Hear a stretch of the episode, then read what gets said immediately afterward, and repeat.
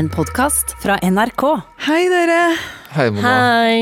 Altså, jeg har ikke sovet så godt i det siste. Bursdag, bursdag, bursdag. Nei, altså, det var verken på grunn av bursdag Mm. eller varmen. Eh, jeg var litt skremt. Eh, hvordan har det vært med deres eh, netter? Jeg har blitt holdt våken av eh, det som sikkert er katteslagsmål i hagen, men jeg mistenker at det må blande seg inn en grevling der, for maken til lyder har jeg aldri hørt før. Og det kan være skummelt. Ja, da er det skummelt. Ja. Åh, jeg har et barn som blir redd om natta og må tisse opptil flere ganger, og en mann som snorker mens jeg sover veldig lett, så det er ikke, ikke mye søvn jeg får. sånn. Nei, og så er det jo det at vi alle tre har sett en av de beste true crime-seriene, i hvert fall jeg har sett på mange år. Enig. Eh, full av menneskelighet og følelser og spennende fortelling, som da jeg også blir litt skremt av, fordi jeg tenkte vi bare kunne begynne med å høre. Dette her kan da være massemorderen og voldtektsmannen som herja California på 70-80-tallet, The Golden State Killer, som da sjekker om du er hjemme.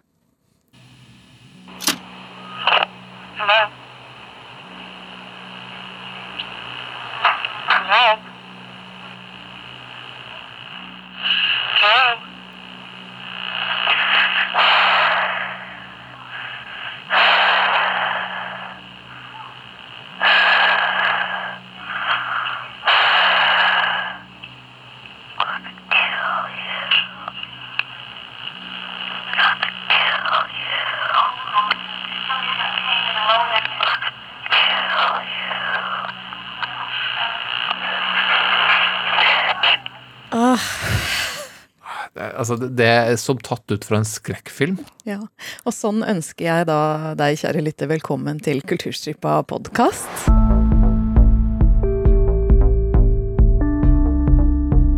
Torkel Risan og Ana Leticia Sigvartsen og jeg da, Mona Berise, vi skal gi deg våre beste tips for hva du kan se eller oppleve som gjør livet ditt eh, litt bedre, selv om du da også kan bli litt eh, skremt, men eh, vi mener jo at det er verdt det.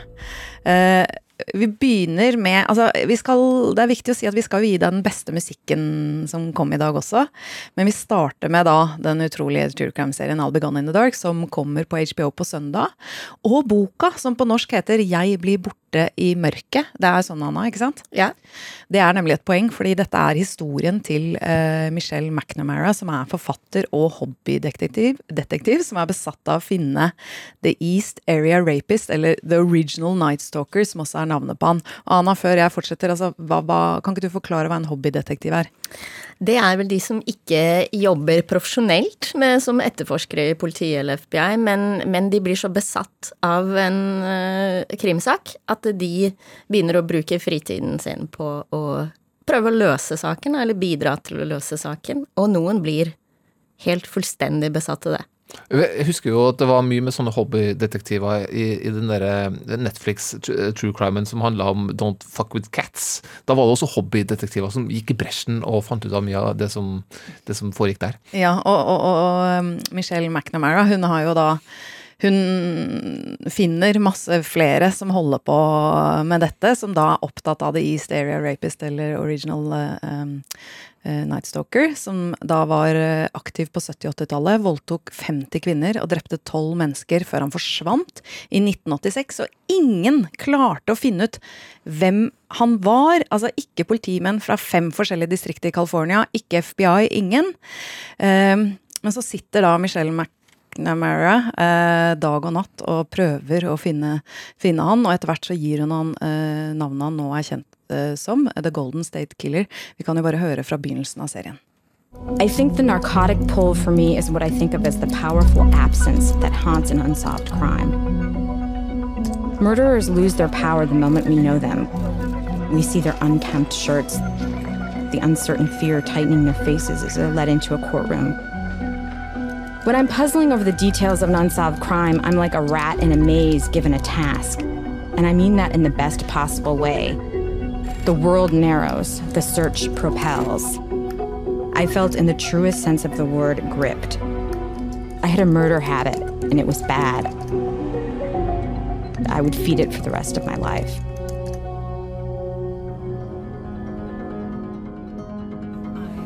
I had a murder habit and it was bad and I would feed it for the rest of my life, sier Michelle McNamara. Da får jeg litt grøsninger når du sier akkurat det, da. Ja, fordi hun skriver jo denne boka, og så blir hun jo på en måte borti mørket selv. Hun dør på veien i jakten på The Golden State Killers, og TV-serien er jo bygget på det materialet hun skrev. og Allikevel så er hun veldig til stede i TV-serien, fordi man har alle hennes lydintervjuer. Eh, også hun har blitt intervjuet selv. Og, og mannen hennes bidrar masse, og han er kjent. Anna, kan ikke du fortelle hvem eh, Michelle McNamara var? Hun var eh, journalist og forfatter og gift med Patton Oswalt, en komiker og skuespiller som noen kjenner fra uh, Veep, uh, King of Queens, Seinfeld. Sånn koselig, og morsom type. Ja, han er- han er veldig høyt eh, ansett som standup-komiker, i hvert fall. Ja, og, og hun var eh, Hun hadde en eh, true crime-blogg. Hun var veldig interessert i true, crime og skrev om forskjellige saker. Og så finner hun den ene saken om The East Area Rapist som ikke hadde blitt oppklart, og blir veldig fascinert av akkurat denne saken. Besatt, og begynner da å få kontakt både med etterforskere som hadde jobbet med saken, og med dette nettverket av eh, hobbydetektiver. Eh, og, og, og prøver da å bidra til å finne en løsning. Hun, hun bare Hun klarer ikke å slå seg til ro med at eh, denne fyren er, ikke har blitt tatt. Og så, som dere sa, så dør hun da før hun var ferdig med dette prosjektet. Eh, Jeg syns ikke man skal google hvis man ikke vet alt, fordi at det gjør den Nei. serien veldig spennende. Og det, det handler også mye om henne som menneske, eh, og liksom hva som gjør at hun gjør det hun gjør, og på en måte hoppe ut av sitt eget liv for å liksom bli helt oppslukt i å oppklare dette. Ja, det syns jeg skyte inn at Jeg syns jo Golden State Killer i seg sjøl er så spennende og så bra. Den kunne ha vært alene, men når du Michelle McNamara sin historie er nesten Det er den som griper meg aller mest.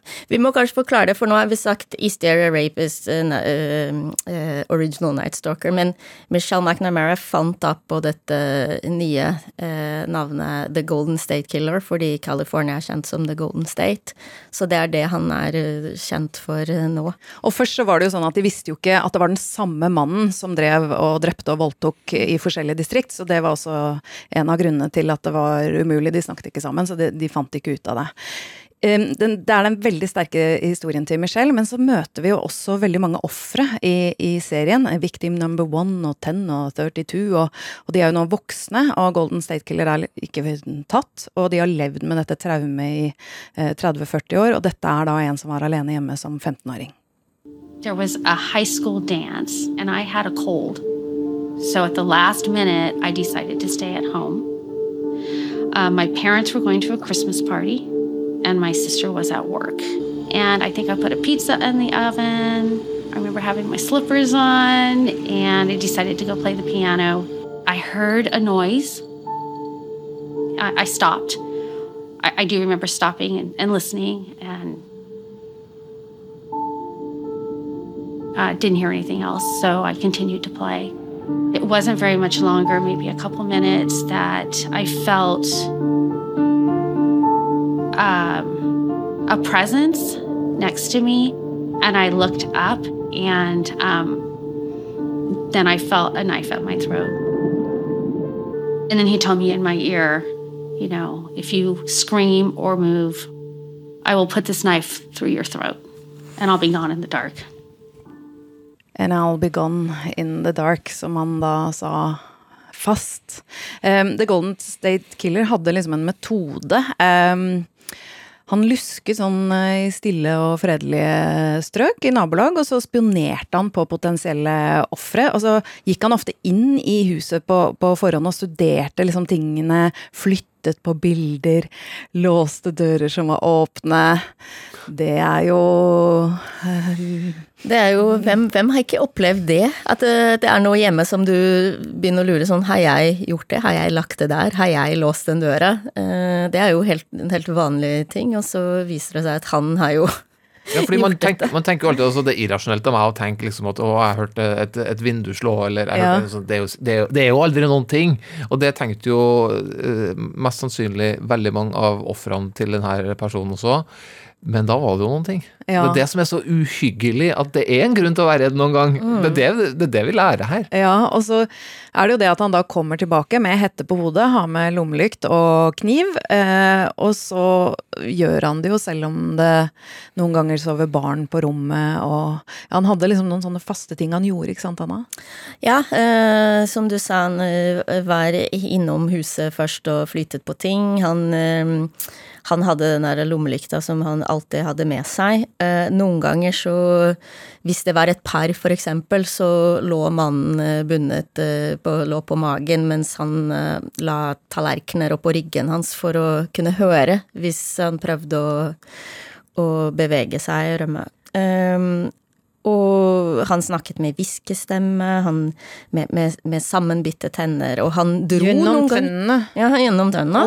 Ja. Og noen ganger så, så dro han sånn, Han ble borte liksom i, i en time eller en halvtime eller to timer, og så trodde liksom offeret at han Ok, kanskje han er dratt, og så kom han tilbake. Så han, eh, han gjorde mye for å virkelig sånn terrorisere uh, ofrene i den perioden han var i huset. Ja, han sier, eh, De sier jo at han på en måte ikke først og fremst var drevet av sex, selv om sex var en del av det, men det var det, den frykten, og, og situasjonen skulle på en måte bli eh, vanskeligere og, og vanskeligere. Da det var, gikk fra single damer til par, og var det ikke Ja, det var også eh, På TV så sa de først at han kommer aldri inn i hus der det er hunder. Eh, og så begynte han etter hvert da Jeg skal å gå vise inn i jeg skal vise Ja, jeg skal Ja. vise dem. Ja. Fy søren, altså. Ja, og eh, jeg, en av de mest rørende liksom, episoden for meg i, eh, i denne serien, det er eh, et par som blir utsatt for The Golden State Killer, og, og de er i 70-åra nå. Og så sitter de i en sofa sammen med og holder hverandre i hendene, og så går de på en måte tilbake i tid og skal fortelle om dette, og så ser man han er så fortvilet. Eh, la oss høre Dette sier hun da om voldtektsmann. He would get silent and I would hope, okay, maybe he's gone. And then I'd hear him again. I had no concept of time. It just seemed like I was in bed, bound for an eternity, and I, I had no idea. It was two hours or ten hours. It went on for a couple hours of coming and going and, you know, coming back and, you know, torturing me some more. You know, even some of my best friends would, like, you couldn't do anything. You know what I mean? Couldn't do anything. There wasn't anything to be done. Altså Det paret der synes jeg, de, de rører meg også veldig. fordi For det første så er er de jo veldig gode sammen. De, eh, de har holdt sammen, og det, mange klarer jo ikke det, men de har holdt sammen. Og de snakker så fint til hverandre også. Han, du ser jo bare det, 40 år etter i det klippet her at, at han fortsatt prega av at han ikke kunne hjelpe kona si. Mannen skal jo hjelpe kona si, men så si, vender hun seg og liksom sier sånn Men du, du har virkelig gjort alt du har kunnet. Du kunne ikke gjøre noe da, men du har brukt livet ditt på å gjøre det. og de, Livene deres tok en, tok en annen retning enn en skulle gjøre, men det, de har prøvd å snu det til det bedre osv. Og det serien full av, er å vise eh, offer som noe mer enn offer. da Vise dem som hele mennesker. Så det, det, det er virkelig bra. Jeg blir så knust av å se det, og det, en av tingene er jo at dette handler veldig mye om skam også, fordi eh, dette, det å bli voldtatt, det var Altså Det er nesten så de sier at det ikke ble sett på som en sånn alvorlig forbrytelse. Eh, og om at man, det gjorde jo da at man ikke kunne snakke om det. Eh, Ja, de sier jo de sier i, i serien at, eh, at voldtekt ikke ga noe så lang fengselsstraff i California på den tiden. 30 dager, 90 dager. Det var eh, eh, Ofrene er fortalt at eh, de, de etterforskerne, mannlige etterforskerne som, som var på stedet etterpå, ikke var så flinke til å ta vare på dem, og at de var glad det endelig var en, eh, en kvinnelig etterforsker som, som forsto mer. Eh, og, og mennene som ikke eh, Altså, de De er født i en helt annen tid. Det var liksom ikke noe man snakket om. Det var skam. Det var hvem skulle snakke med, og ja. Og i tillegg så var det jo ingen, eh, ingen som var tatt for det, for det har jo da vært åpent. Og ehm, ja, jeg tenkte Hvis man liksom skal opps... Altså, jeg syns man lærer liksom ganske mye om samfunnet, og de sier jo på en måte det at der er det, liksom, det er nesten kvinnene sin skyld eh, på den tiden når man blir voldtatt. Altså, det er masse sånne TV-reklamer som vi får se som er helt utrolig. Eh, men jeg syns da at regissør Liz Garbus har gjort en så utrolig bra jobb. Det er liksom den menneskelige historien til Michelle McNamara og, og Patton Oswald. Ofrene, samfunnet. Jeg får liksom en forståelse for uh, både ja, hva dette betyr, og hva eh, et sånt driv som hun har, kan lede til. Eh, eh, jeg syns ikke man skal google dette. Ikke google noen ting. Fordi- Gå inn på HBO i stedet, og ikke søk det opp via Google. Ja. Eller les boka, eller begge deler. Ja, fordi kan ikke du si, eh, Ana, hva, hva Du anbefaler også boka. Hva får man da? Den, den boka ble jo en bestselger. Eh, den kom ja, for to år siden i USA, tror jeg, men i Norge i fjor. Em, og der uh, Jeg syns det var veldig fint å både lese bok og se serien, fordi det er ikke helt likt. Uh, serien gjør noe som boken ikke har, og, og omvendt.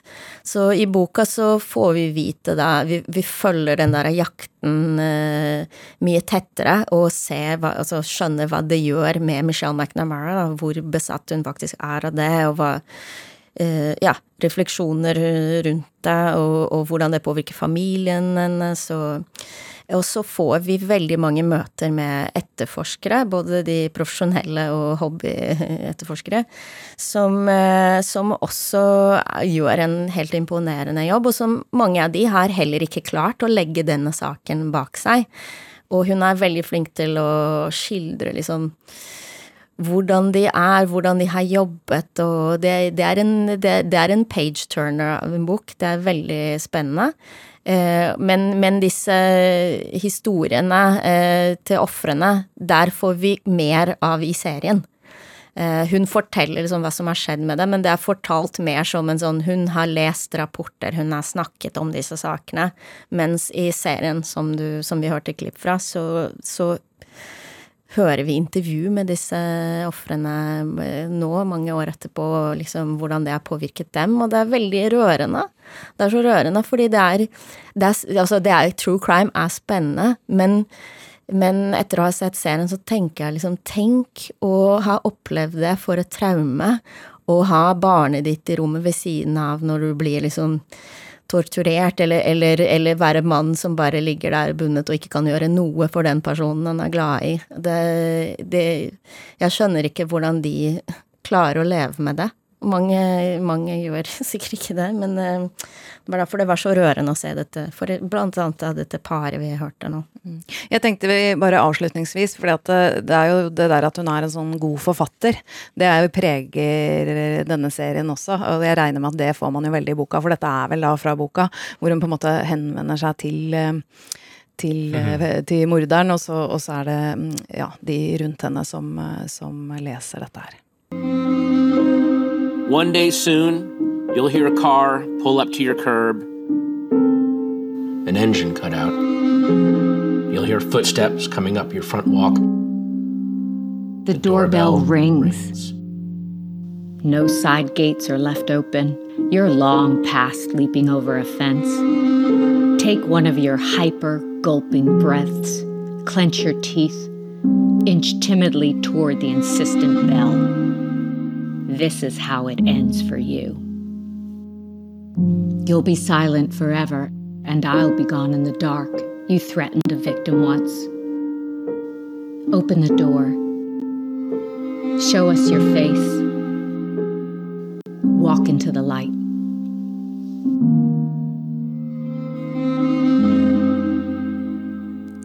Litt annerledes uh, fortalt uh, true crime. Uh, I'll Be Gone in the Dark er da en ny miniserie i seks episoder som har premiere på HBO på søndag, og den har du skjønt at vi elsker. Og les også da boka 'Jeg blir borte i mørket'. Torkil, mm. du har med deg noe om det menneskelige mørket du også? Her er fra Dokusommer, som du må forsyne deg grovt av på NRK TV. Eh, dokumentaren Lance Armstrong, eller Lance. Eh, hva tenker dere om Lance Armstrong? Så hvis jeg bare sier det, Lance Armstrong, hva tenker du, Anna? Eh, han har gjort noe veldig, veldig galt, men, eh, men jeg er ikke mindre imponert av uh, mange ting han har fått til, og fascinert av historien hans. Jeg tenker Litt tulling, eller? Nei, Litt tulling. Jeg har litt sånn, mer sånn som deg, Mona. Udelt antipatier. Eh, sikkert ekstra sterk fordi jeg beundra prestasjonene såpass da de ble eh, eh, gjort. Eh, så da, når han skal eh, nå i ferske intervjuer og sånn eh, være med i den dokumentaren som heter Lance, så går jeg egentlig inn i dokumentaren med to spørsmål. A. hvordan har du det med deg sjøl, Lance? Altså sover du om natta? Og angrer du, ville du gjort noe annerledes? Og hendig nok så svarer Lance ganske enkelt på begge to. F.eks. hvordan han uh, sover, da. How do you sleep at night, right? Can you live with yourself? And I can. Kort og greit. Og, og Han sover godt om natta, ikke og, sånn som oss. og ville du gjort noe annerledes da, Lance Armstrong? I wouldn't change a thing. I needed a nuclear meltdown, and I got it. Så ja, eh, sånn, sånn er jo han. Eh, det er det som gjør at det, Ja, det er bare litt vanskelig å på en måte ikke synes at ja, at han bare Nei, det der var, dumt, det var dumt, men det var jo veldig bra at jeg gjorde det, for nå har jeg det så topp. Akkurat. Eh, og det er, strever jeg jo litt med å tro på. Eh, jeg tror det er en sannhet han har bare skåret ut eh, for seg sjøl, fordi den passer overens med det sånn som livet hans har blitt. Og det sier jo noe om Eller det er jo min teori, men jeg tror det, det kan sammenlignes med måte, den mentaliteten han du må ha for å nå veldig langt innenfor noe, og at du er veldig sånn tunnelsyn og liksom bare sånn OK, nå, jeg kan ikke se meg tilbake, jeg må bare se framover hele veien. Eh, så, så, så det, det, stemmer jo overens med hvordan han alltid har vært. Men den derre rettferdiggjøringa, eh, selvjustisen som han, har, eh, som han holder på med, og som han viser fram, og det finnes liksom ingen tvil eller anger eller noen ting. Alt er bare sånn mm, mm det jeg savner det. Jeg må ha noe brist. Jeg må, liksom, jeg må se svakheten, jeg må se angeren, og jeg må, for at jeg skal kunne tilgi og forstå og både akseptere at det har vært gjort, du var en del av et større system og sånn, så trenger jeg mer av det. Det får jeg lite av. Men gjør det ikke det sånn, enda mer interessant? Hvis han bare hadde sittet der og som alle sånn Jeg skjønner at jeg har gjort noe galt, og jeg angrer og Jo, egentlig, Poeng. du har rett. Ja, ja, men det, det er jo det jeg sier. Altså, dokumentaren er jo kjempeinteressant nettopp av det her. Men jeg, jeg går jo inn i dokumentaren og, og, har lyst til å liksom sånn eh, eh, måte eh, komme gjennom det. Og, liksom, og skjønne sånn, og hvorfor han har gjort det. Og få litt anger ja. og sånn. Men det får jeg ikke. Og det, det, det, det, hadde ikke nødvendigvis vært en bedre dokumentar hvis han gjorde det, men det, det, er, det er derfor jeg ville se dokumentaren. Men det jeg får, da, er jo en kjempegodt eh, fortalt historie. Et, et stud, et, ja, altså det er en studie i, i det her menneskesinnet som kan sammenlignes litt sånn, sånn, eh, som person kanskje med, med, Michael Jordan, som mange har brukt tid på å se en dokumentar om. Eh, eh, litt av den samme livshistorien, men også det samme egoet, eh, kravet du stiller til alle rundt deg, og ikke minst til seg sjøl. Og også det å, å oppnå ting. Så, så, så, er det jo Altså, Han har jo gjort veldig mye bra for kreftsaken, Lance Armstrong, og det blir jo via mye plass til det. Eh, ja, Han var jo en, altså, en, virkelig en folkehelt i USA, ikke bare pga. sports... Ja, ja, sporten, men også fordi han fikk kreft, og så gjorde, kom tilbake og gjorde så mye for folk? Han lå jo for døden, eller han fikk en prognose som sa at du, du kan fort dø her, eh, men kom seg gjennom det. Og etter det så, så oppnådde han jo det han gjorde på, på sykkelsetet. Så det er jo, det er jo veldig, veldig, bra. Og han grunnla Livestrong og de gule armbåndene, og mange kan takke rett og slett Lance Armstrong. Men eh, for meg så er det nesten litt irriterende, fordi liksom, jeg har et sånn avklart syn om en, liksom, en, en, en ond fyr der, og så, så kommer det her inn og liksom ødelegger litt med bildet for meg. Eh, fordi også at den plattformen eh, han for, for, å kunne gjøre det han gjorde for kreftsaken, så måtte du ha en slags plattform. du måtte ha Og den, den oppnådde du også ved hjelp av juks. Så, men nå har det blitt gjort mye godt pga. grunn av det, altså, så, så det, det, er greit nok. Men i dokumentaren så er ikke jeg så opptatt av det. I dokumentaren så, vil jeg ha, så er det jeg savner, enda mer av løgnene, enda mer av hva tenkte du da du dopa deg og du vant og du satt på det og intervjuet og det intervjuet og løy. Det, det, det, nok, det er ganske mye av det, men jeg, det er da virkelig det er spennende å se på. Um, og jeg, jeg, er jo ikke den eneste som står litt i skvis når det kommer til hva du skal tro om Lance Armstrong. Du får møte journalister, ekskollegaer, venner, og alle er litt usikre på sine egne følelser rundt Lance. Vi kunne høre et lite eh, knippe uttalelser. The longer I've been inside of this world, I don't even know anymore where the line is between good people who do bad things and bad people who do good things. There is this like Shakespearean quality to the whole thing. you just have to like enjoy the infinite complexity of the characters, like because there are no obvious bad and good guys. I'm going to be naturally skeptical of whatever Lance does or says. There's pretty good reason for that.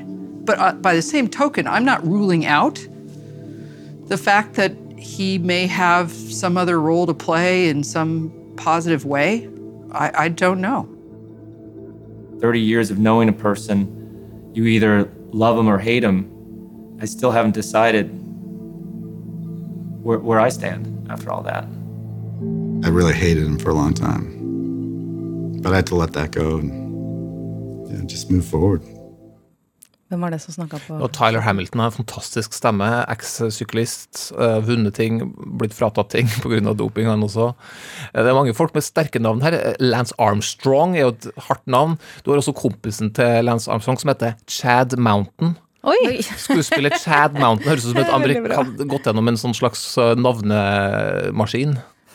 Det er veldig, veldig knallhardt navn. Men ja, nei, se dokumentaren om Lance Armstrong, fordi du går inn i det med å ha noen tanker om Lance Armstrong, eh, og det er rett og slett fascinerende TV å se på. Ja. Og Lance ligger da gratis ute i to deler på NRK TV under Dukkusommer, hvor det ligger så mye fint at vi sikkert ikke kommer til å la være å snakke om det igjen. Nei, vi, vi må nok innom et par av dem, tror jeg. Ja. ja. Um, Torkil, um, jeg hadde egentlig tenkt til å be deg om å, å, å snakke om musikk. Om jeg lurer på om Anam, du først jeg kan, kan, Yeah. kan Jeg er klar. Ja, fordi at du Jeg har egentlig gitt deg en oppgave, fordi du kan jaggu mye mer om brasiliansk musikk enn oss. Ja, og det er ikke så rart, Nei. siden jeg kommer derfra.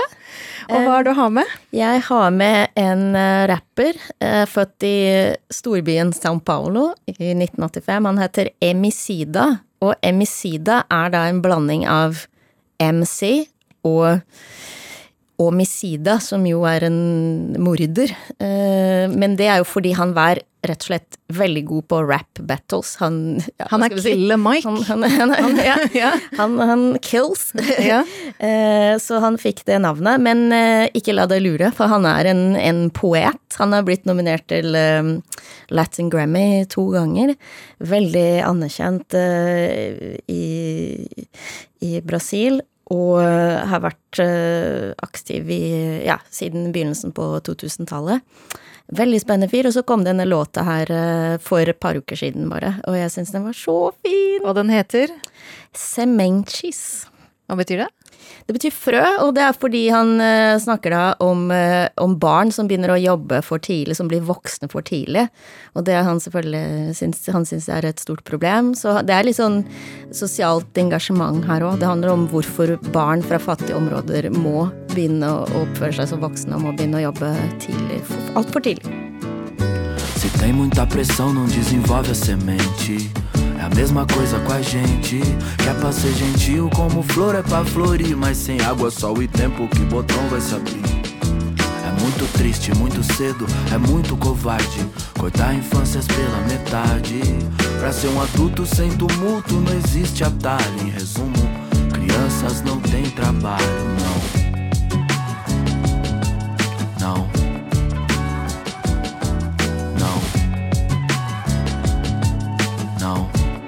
Trabalho infantil. Desde cedo, nove anos, era um pingo de gente. Empurrado a fórceps pro batente. O bíceps dormente, a mão cheia de calo. Treme, não aguenta um lápis no fundão de São Paulo. Se é uma rebelde, se quer domesticar. Menina preta perde Det infância, hørtes vira tøft ut. Jeg aner ikke hva han sier. Ja, det- men nå vet du hva det handler om. Kan du gjenta hva han heter, hva låta heter? Låta heter Sementes med S, eh, og han heter Emicida med C. Det var ikke Sementes du sa i sted, da du sa det på portugisisk. Semenches. Semenches, eh, ja. ja, men det, var- det var fint. Det, det må jeg høre mer på. Torkil, da skal du få lov til å slippe til. Ja, takk. Ehm, Det blir Neil Young, altså. Det her er jo det eldste, nyeste jeg har kommet med, tror jeg, i, i, når vi sitter og snakker om ny musikk. Det er fra eh, plata Homegrown, som han spilte inn og egentlig ville gi ut i 1975. Men da var han for personlig, ehm, etter bruddet med ekskona, Carrie Snodgrass. Um, Som var for sårt? Ja, jeg tror det. Eh, de fikk jo et barn sammen, eh, og det var vonde følelser. Eh, men nå er Neil klar, og har da eh, sluppet endelig. Eh, jeg tenkte vi skulle høre White Line.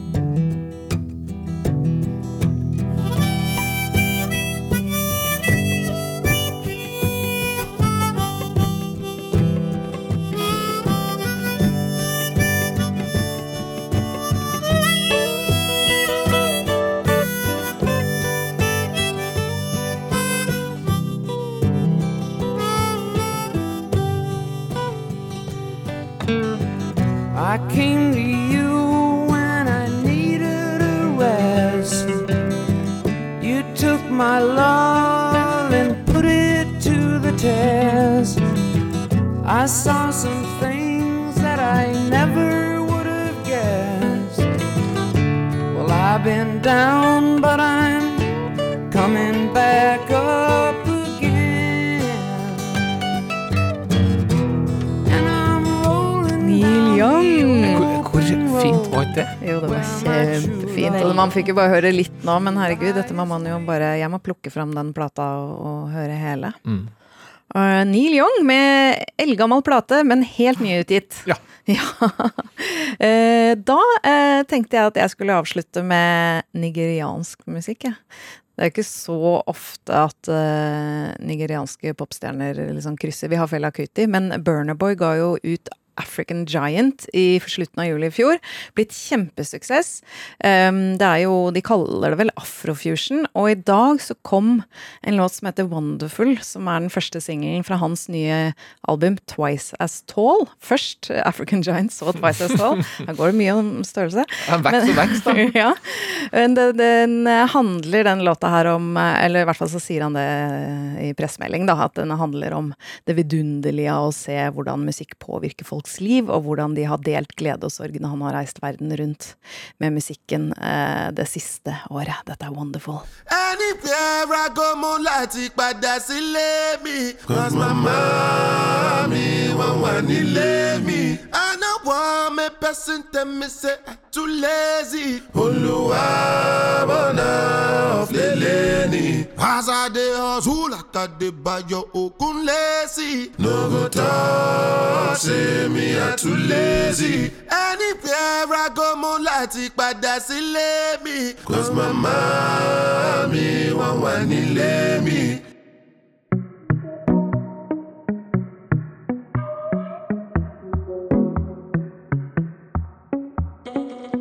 Funkilla. Funkilla. Funkilla.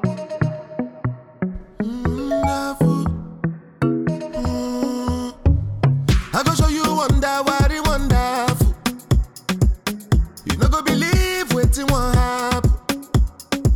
No disturb us when the gbedu wan catch you. Burner Boy, eh, wonderful. Ble glad av det der, jeg. Ja, men det var jo det jeg også ble. så Veldig tenkte bra jeg måtte ta med. fredagslåt. Det var fredagsfest. Det er sånn at uh, Kulturstripas podkast uh, er ferdig for denne fredagen. Det er kjempehyggelig om du forteller om den til noen du liker. Uh, ikke til noen du ikke liker, bare til de du liker. Ja, og skriv gjerne en anmeldelse, eller gi noen stjerner, kanskje fem for eksempel, på, på der du laster den ned fra. Bare et forslag fra Torkel. Da gjør du det enda lettere for de andre å finne fram til den. Ja, det er koselig. Ellers er vi jo et radioprogram på P2 på på hverdager fra klokka to, og så går det i repris klokka sju, og det er hver dag. Men eh, Ana og Torkel, skal vi bare si god helg? Kan ikke vi gjøre det? Anna, du sier det på portugisisk, så sier jeg på Mhm. trøndersk. Ok. God helg. Bon fin semana. Ok, da. Du vant. Bon fin semana. Au revoir. Skjønnes Wochenende. Du har hørt en podkast fra NRK. Hør flere podkaster og din NRK-kanal i appen NRK Radio.